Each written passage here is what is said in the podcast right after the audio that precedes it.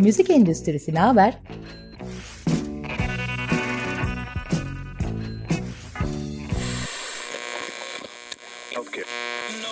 Müzik endüstrisinin her alandaki dinamikleri.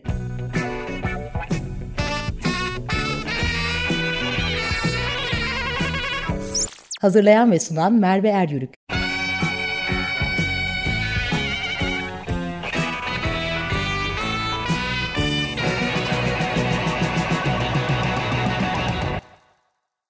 Merhabalar. Açık Radyo stüdyolarında bugün bana eşlik eden konuğum ve arkadaşım Harun İzer. Harun, İKSV Caz Festivali direktörü. Müzik endüstrisindeki şapkaları bununla sınırlı değil. Radyo programcılığı, DJ'lik, müzik yazarlığı ve Kadir Has Üniversitesi'nde müzik endüstrisi ve hukuk dersi de veren bir hukukçu. Programımızın yayınlandığı gün İKSV'nin 51. kez düzenlediği İstanbul Müzik Festivali'nin de başladığı gün 1 ve 17 Haziran tarihleri arasında nefis bir programla festival başlamış olacak. Detayları İKSV'nin web sitesinde bulabilirsiniz. İKSV'nin pandemi harici aralıksız 51. kez bir festival yapıyor. 30 kez de İKSV Caz Festivali'ni yapmış. O da yine böyle sürdürülebilir bir şekilde yapılan işlerden biri. Bu topraklarda kültür sanat işiyle uğraşan insanların hayatları yeterince çok zor. İçerik olarak çok zengin bir ülke olsak da üretmek isteyen sanatçı için, içerik sunmak isteyen şirket veya kurumlar için çok zor bir ülkede yaşıyoruz. Yani özetle kültür sanat işiyle uğraşan biriyseniz, özneniz ne olursa olsun, birey ya da kurum çok zor bir iş yapıyoruz. Endüstri tarafını konuştuğumuz için Harun'la bol bol aslında mali taraflarını, e, manevi zararlarından daha çok mali zorluklardan bahsetmek istiyor olacağım. Ekonomik değerlendirmeleri yapıyor olacağız ve şimdi seçim sonucuna göre de umutlanabileceklerimi sormak isterdim. Fakat mevcut durumun devam ettiği için yani gelişme ya da bir iyileşme olasılığı olacağını düşünmek çok iyi niyetli olur diye düşünüyorum. Çünkü geçen günlerde Cumhurbaşkanı'nın kültür sanatla ilgili e, akıl danışabileceği, yol haritası çıkarabileceği kitle için bile entel dantel ifadesini kullandıktan sonra çok iyi niyetli olamıyorum. Bu sebeple de mali yükleri, şu dönemde bu yükleri aynı şekilde ya da artarak hisseder miyiz gibi sorularım oluyor, olacak. Harun merhaba. Selamlar. Ne uzun Hoş bir giriş bulduk. yaptım. Ya, çok güzel. Bugün şimdi müzik endüstrisini kavramsal olarak ikiye ayırırsak biraz kayıtlı müzik sektörü ve canlı müzik sektörü olarak ayırıyoruz. Tabii bu ayrımımız tabii cirosal olarak değil. Cirosal olarak baktığımızda canlı müzik sektörü kat be kat büyüktür, büyüktür, büyüktür kayıtlı müzik endüstrisinden. Dolayısıyla canlı müzik sektörü koca bir pastanın koca bir alanını kaplıyor. Aslında bir yandan da Türkiye'de rakamlar çok belirgin değil, ölçülebilir durumda değil. Dünyada eşit gibiler mesela. Hani 3 aşağı 5 yukarı. yukarı. Şey olabilir diye. Bir çünkü canlı müzik belki biraz böyle hani konserler, oranın ciroları daha hani kayıtlı müzik Topluca bütün yarattığı ekonomi evet, daha büyüktür. Daha büyük. O, Dolayısıyla şey yapıyoruz. Şimdi ya bir kere bunun vurgusunu tekrar yapmak istiyorum. Çok çok koca bir iş yapıyor kurumumuz. İstanbul Kültür Sanat Vakfı bu anlamda çok kıymetli bize değer kattırdıklarıyla. Yani 51. kez bir festival yapıyor olmak, 30. kez bu topraklarda caz festivali yapıyor olmak çok kıymetli. Sizin katkılarınız çok kıymetli. Nasıl minnettarız, nasıl ifade etmek Teşekkür çok eksik ederiz. ifade edeceğim yani mutlaka. Bir kurum tabii şey bir, bir sürü insanın çabasıyla yaşayan bir şey. Hani onun içinde sen bile varsın bence yani. Teşekkür ederim. Çok zarifsin yine Harun'cum. Şimdi endüstri tarafını konuşacağımız için zorluklardan bahsedelim istiyorum. Böyle içimizi karartmayalım ama şu mali yüklerin çok e, sizin tarafınıza yansıyan kısmı ile ilgileniyorum aslında. Hani işte bu vergiler, stopaj, KDV hı hı. oranları, yasaklanan konser ve festivallerin yükleri, müziğin kısıtlanmasıyla oluşan zararlar. Bir seninle bunu konuşmak istiyorum. Mesela eğlence vergisi diye bile bir şey var bu endüstride. Bu mali yükler ya da bu kısıtlamalar ve yasaklamalar yeni dönemde hayatımızda ne olur? Bu yükler canlı müzik sektöründe bizim hayatımızı nereye sürüklüyor? Böyle çok karışık sordum ama hmm. sen anladın beni diye düşünüyorum. Tabii. Evet. Ee, yani şimdi Kültür, sanat her zaman tabii ki politiktir. E, müzik de öyle tabii ki. Hani en e, sıradan popüler müzisyen bile hani bir, bir şey söylüyor günün sonunda. Onun bir e, hayatımızın e, siyasetine bir etkisi var. Ama ben burada çok o işin siyasi politik kısmı üzerinde fazla durmak istemiyorum açıkçası.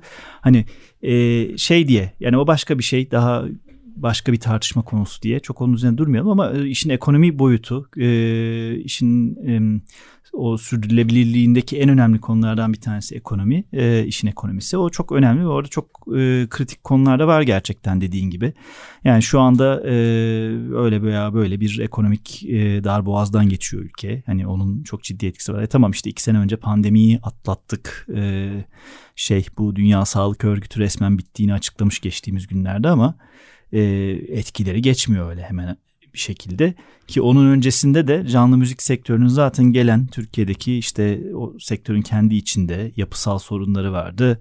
Onun dışında zaten e, bu sektöre göre düşünülmeden yapılmış bir takım yasal düzenlemelerin e, doğrudan sektöre etkisi vardı. Yani bunun işte en klasik örneği mesela sanatçı tarafındaki e, ücretlendirme politikalarında hep bu vergilerin e, katlanarak e, işin yapılabilirliğine etkisi o stopaj konusu mesela. Yani her zaman biz anlaşmalarımızı sanatçılarla yaparken çoğu zaman şu söz konusu oluyor.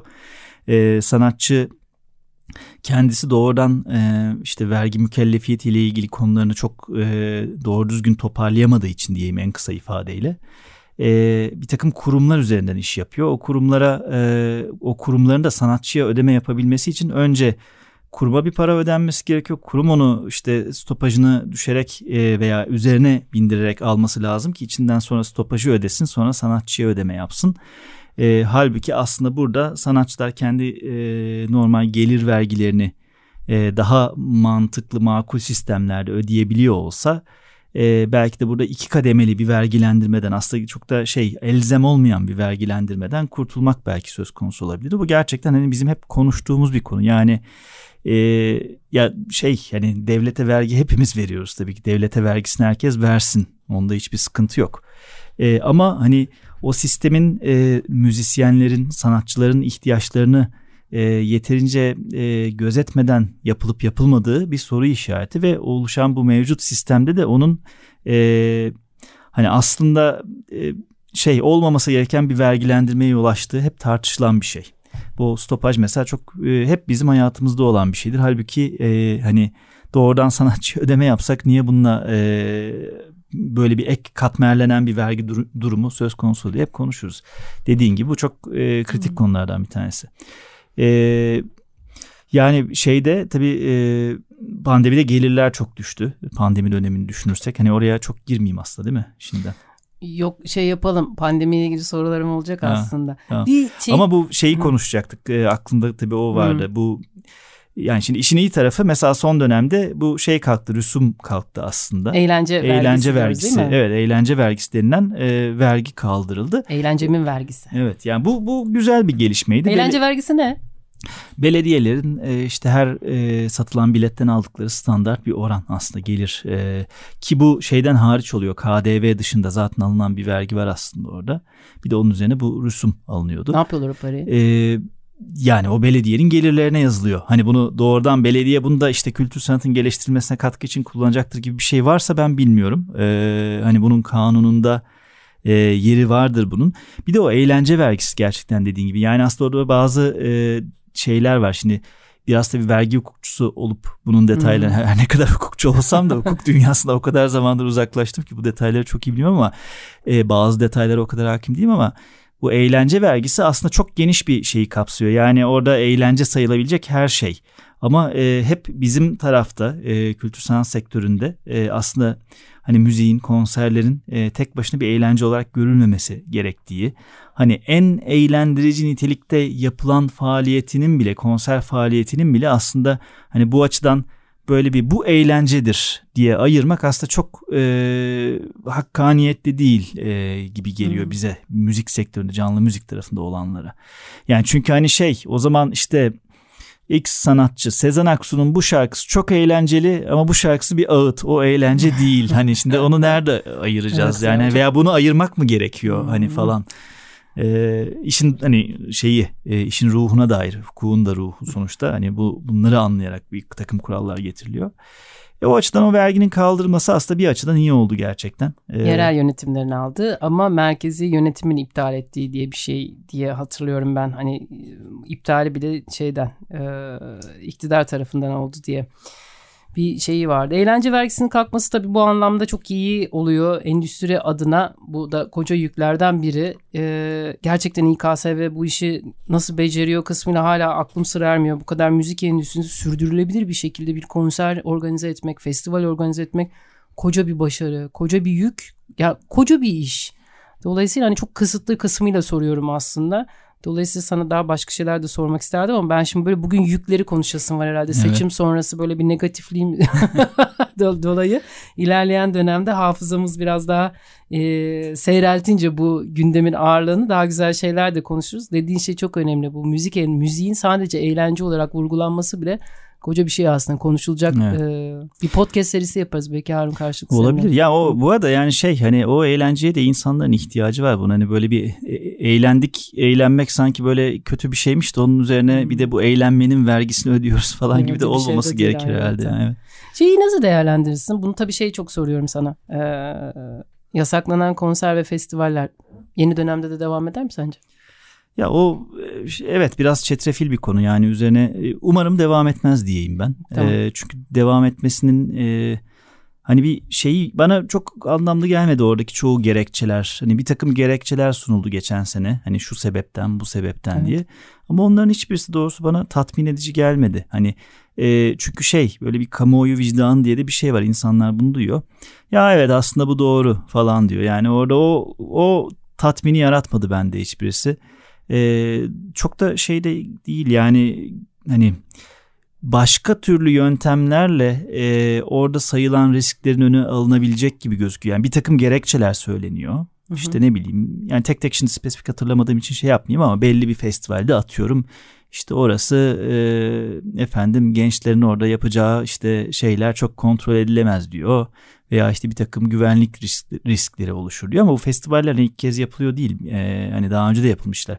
Orada oluşan risklerin nasıl önüne geçileceği düşünülüp aslında işleri yapılabilmesine bakmak lazım. Burada engellemek basitçe bir e, bu iş çok zor yapmayalım arkadaşlardansa okey bunu nasıl yapabiliriz? Aslında onun üzerine düşünmek lazım alternatif. Yani e, hani o daha iyi niyetli bir yaklaşım olurdu. Onu görmeyince insan birazcık açıkçası şey yapıyor. Yani peki ama tek yolu bu muydu gerçekten? diye sorguluyor. Şey olmuyor mu peki? Ee, bir dinleyici ya da izleyici olarak takip ettiğimde iptal olan konserler ya da festivaller ilişkin sadece sosyal mecra üzerinden aslında tepkilerimizi ifade ediyoruz. Hiç bütün festival yapıcılar bunun karşısında duruyorlar mı? Tek bir ses oldular mı? Yok tek e, benim gördüğüm olmadı ama zaten bizim müzik sektöründe canlı müzik tarafında e, aslında en ciddi sorunlardan bir tanesi de bu belki de hani o kadar organize e, yapılar olmaması yani sektörün kurumsallaşmasında eksikler var mesela e, daha hani kayıtlı müzik tarafındaki e, meslek birlikleri veya hani o mesleki duruşlar birazcık daha değerli toplu diyebilirim. E, veya mesela başka bir endüstriyle karşılaştıramazsın o daha doğru olur. Sinema endüstrisi mesela o anlamda daha değerli toplu. Farklı tiyatrocular da keza. Tiyatrocular da öyle işte farklı e, çalışan örgütleri var. E, şeyin sektörün kendi içinde güzel organizasyonları var, birlikleri var vesaire e, o işin içindeki değişik alanlarının kendi içindeki alt örgütlenmeleri değerli toplu sinema endüstrisinde, tiyatroda. Bizim e, müzik özellikle canlı müzikte bu çok şey değil, e, değerli toplu değil. Olsa e, birazcık daha etkili olur da eminim tabii ki biz yani bir meslek birliğinde çalışan biri olarak müzik meslek birliklerinde de tek ses çıkaramıyoruz. Beceremiyoruz onu. İşte evet yani müzik sektörünün belki de doğasında vardır bilmiyorum. Yani bunu dünyada da e, veya belki Türkiye'ye özgüdür. Şimdi dünyada aslında müzik e, meslek birlikleri açısından hani güzel örnek e, ülkeler var ama her ülkede de böyle oturmuş kesin evet, bitmiştir bu konuda demek o da zor. Demek ki orada biraz hala üzerine çalışıp yol almamız gereken şeyler var. Bu da podcast serimizde bir konu daha olsun Harun. Müzik sektörü niye tek ses çıkaramıyoruz seninle bir gün uzun uzun konuşmak isterim. ya tek ses çıkması da belki de gerekmiyor ama hani şey e, bir takım ihtiyaçlar halinde evet hani orada galiba şey oluyor. Yani müzik... yorum yapabilmek, üzerine bir şey söyleyebilmek lazım bazı durumlarda. Mesela İstanbul Kültür Sanat Vakfı'nın böyle ipek şallara sarılması gerekiyor. 51. kez, 30. kez caz festivali yapan bir yerle ilgili olarak herhangi bir şey yani üzerindeki mali yükleri almakla ilgili tek ses yapılmalı herhangi bir iptal olabilecek, müzik kısıtlaması olabilecek herhangi bir müzik organizasyonu için tek sesi olması gerektiğini evet, düşünüyorum. Yani, yani tabii olması lazım evet. ama yani şey hani mesela e, aslında böyle kurumların sayısı mesela 50 yıldır etkinlik yapan kurumların sayısı daha fazla olsaydı Türkiye'de e, o anlamda e, daha güçlü yapılarda oluşmuş olurdu Kaç yer biraz. var böyle? E, benim bildiğim çok yok yani. E, sürdürülebilir. Sürekli festival Evet, yapan. Yani şey 50 yıllık plak şirketi var mı Türkiye'de? Vardır. Var mı? Kalan değil. Yani pek Hı. sanmıyorum mesela. İKSV.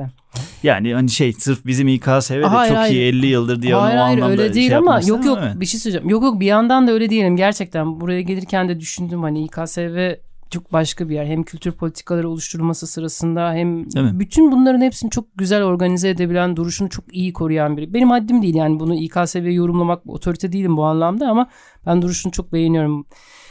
Peki e, pandemi sonrası, şimdi pandemiye de çok geri dönmek istemiyorum ama pandemi sonrası festival katılımlarını e, değerlendirmeni isterim. Hmm, festival tabii. organize eden biri olarak. Çünkü ilk başta insanlar çok tereddütlüydü sonra artık herkes ya yeter artık kapalı yerde kalmayalım diye bir çıkışlar oldu. Bunun üzerine pandemi etkisi sonrası bir de e, ekonomik krizle beraber bilet fiyatlarını da göz Hmm. önünde bulundurarak festivale katılımlar nasıl değerlendirirsin bu son dönemi? Tabii. Ee, yani aslında bir şey oldu. Şöyle bir trend oldu. Ee, şimdi biz mesela biz İstanbul Jazz Festivali'ni pandemi döneminde de yaptık. Tarih değişikliği yaptık. Ee, te- normalde Temmuz'da olur bizim festival. Eylül'e aldık. Ee, 2020'de öyle yaptık. 2021'de yine Temmuz'da yaparız diye yola çıktık. Temmuz'da yine yapamadık. Yine Eylül'e aldık. 2022'de tekrar e, orijinal tarihine dönebildi festival. Geçen sene Temmuz'daydı. Bu sene de Temmuz'da devam. Ee, yani aslında orada bir kere bu şeyler oldu. Yani bütün diğer organizasyonlar için de buna benzer durumlar yaşandı. Ee, bir sürüsü durdurmak zorunda kaldı. Ee, mesela dünyada yurt dışında ben şunu çok görüyordum. Ee, yurt dışındaki belli bir e, kaynak altyapısı olan çoğu büyük festival aslında dedi ki biz erteliyoruz. Bu seneyi yapmıyoruz. Ha tamam ona göre işte biraz belki personel kısıtlarına gittiler bir takım önlemler aldılar şudur budur yaptılar ama hani yapmaya e, çalışmadılar. Direkt ertelemeyi şey basit tercih edilebilir yol olarak seçtiler. Biz Türkiye'de tabii hani o kadar böyle büyük birikimler üzerine e, kuramadık, kuramadığımız için yapılarımızı ne yazık ki her sene sıfırdan başlayarak bu festivalleri e, hayata geçiyoruz. Yani bizim İstanbul Jazz Festivali'nin neyse ki çok uzun yıllardır destekleyen işte Garanti BBVA gibi bir sponsoru var. E, festival sponsoru. O büyük bir destek bizim için.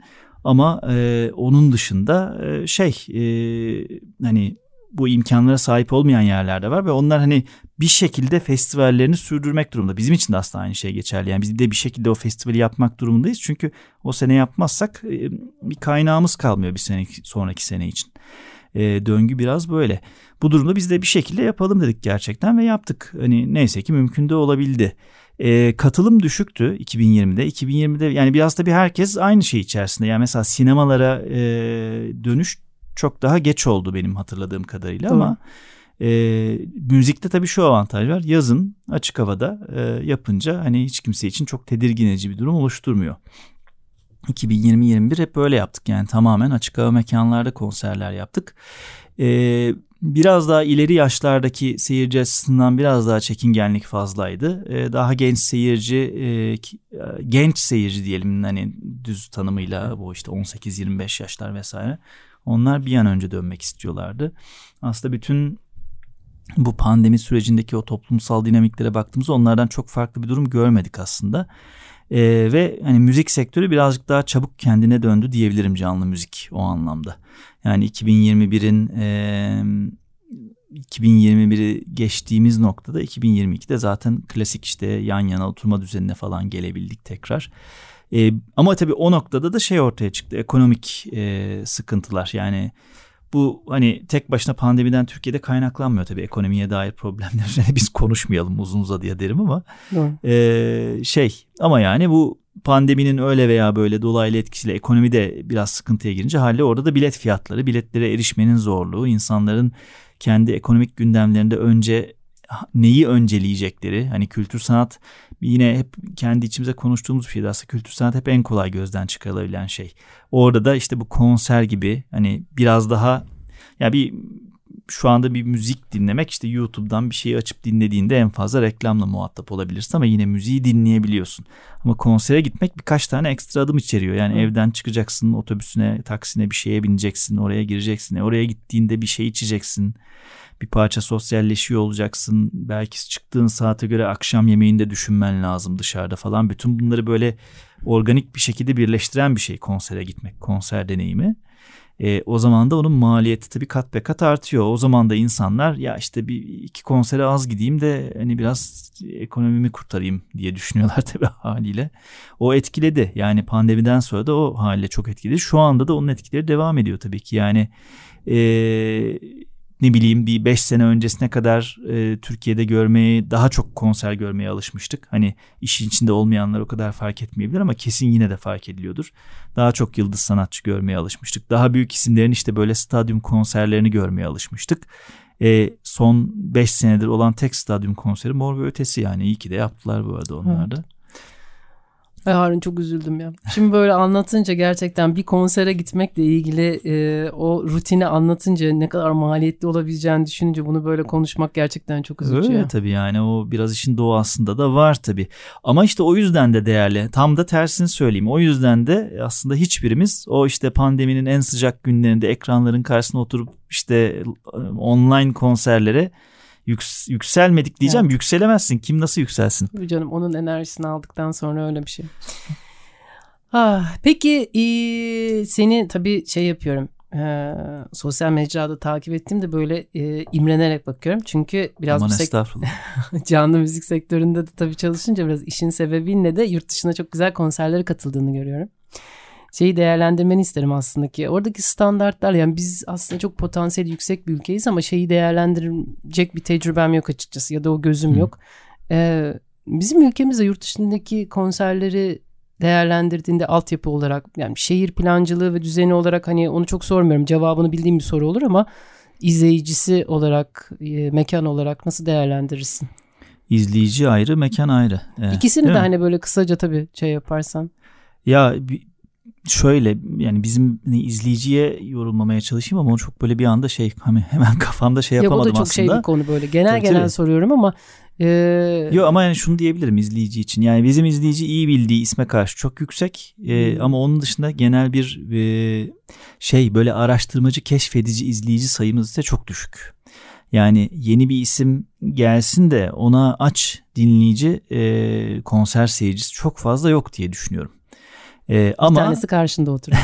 tabii tabii var. Hiç Hı. yok değil yani haline. Çok yine çok var sonuçta da. E, yani şöyle bir komik yok, örnek Yok yok seni doğrulayan bir şey. Yeni ha. bir isme gitmiyorum doğru. Ha, mesela yani işte yeni bir isme okay. göre şimdi senin konserlerini seyredince aa diyorum ne güzel şey yapabiliyor. Ben bildiğim şarkıları dinleyebildiğim, katılabildiğim, o, albümü o bende olan şey yapıyorum. Ama ben galiba yaşlı kesime giriyorum zaten Spotify'a göre 43 yaşındayım. Biraz dinleyici alışkanlığı bu yönde. Evet. Ya geçen sene North Sea Jazz Festival'a gittim ben de ilk kez. Ee, Hollanda'nın en büyük jazz festivali aynı zamanda Avrupa'nın en büyük jazz festivallerinden. İşte onlar da 54. yılı mı neydi şu anda hatırlamıyorum artık böyle yıl sayısı koymaktan vazgeçmişler sıkılıp. ee, şey hani içeride şunu gördüm. Ee, bir üç günlük bir festival ayakta prensip olarak ayakta salonlarda düzenleniyor. Böyle kocaman bir büyük bir kongre merkezi gibi bir yerde işte onlarca salon var. Kimisi 10 bin kişilik kimisi 500 kişilik böyle bir sürü salonda aynı anda konserler oluyor. Dolayısıyla kendi içinde müzik maratonu aslında yani efor isteyen bir şey. Hafta sonu oluyor cuma cumartesi pazar. Ve mesela şunu çok gördüm insanların üzerinde bu bir caz festivali prensipte e, popüler isimler de var tabii bizim caz festivalindeki gibi ama e, işte 50 küsürüncü festival e, seyircinin üzerinde 18. festivalin tişört var. 26. festivalin tişört var. 35. festivalin tişörtüyle gelmiş. Yani orada birçok bir bilinçlilik ve hani böyle bunlar o zaman tabii yaşını başında almış insanlar bu arada. Ta işte ilk festivallere gelmiş şimdi de geliyor falan. Yani seyircide böyle bir tutarlı devamlılık var. Yeni isimlere açıklık var. Orada bir sürü yeni isim var. Dediğim gibi yani 10 bin kişilik salonda var. 500 kişilik yerde de yeni bir isim çıkıyor yani günün sonunda. Veya daha az insanın tanıdığı isimler ve takip ediyorlar. Yani bizim yani se- seyirci eleştirmek demeyeyim buna. Her ülkenin kendi dinamikleri de farklıdır. Bizde böyle bir durum var. Yani mesela Avrupa'daki küçük bir şehre gittiğinizde e, orada aynı sanatçıyı aynı miktarda insan izliyor. Türkiye'ye geliyorsunuz 18 milyonluk Türkiye o Avrupa şehrinin 3 katı nüfusa sahip olabilir ama İstanbul'da bir konser mekanda yine aynı sayıda sanatçı hmm. izliyor. Yani işte bir kulüp ismi ise Onu İstanbul'da da 300 kişi izliyor. Lizbon'da da 300 kişi izliyor ama iki şehir arasındaki nüfus farkı kat be kat. Ee, şeye gelirsek diğer konu neydi? Ha, altyapı. Altyapıda bence çok iyiyiz. Ee, teknik olarak iyiyiz. Ama onu kullanacak yetişmiş personel sayısında eksiğimiz var. Hmm. Uzman personel.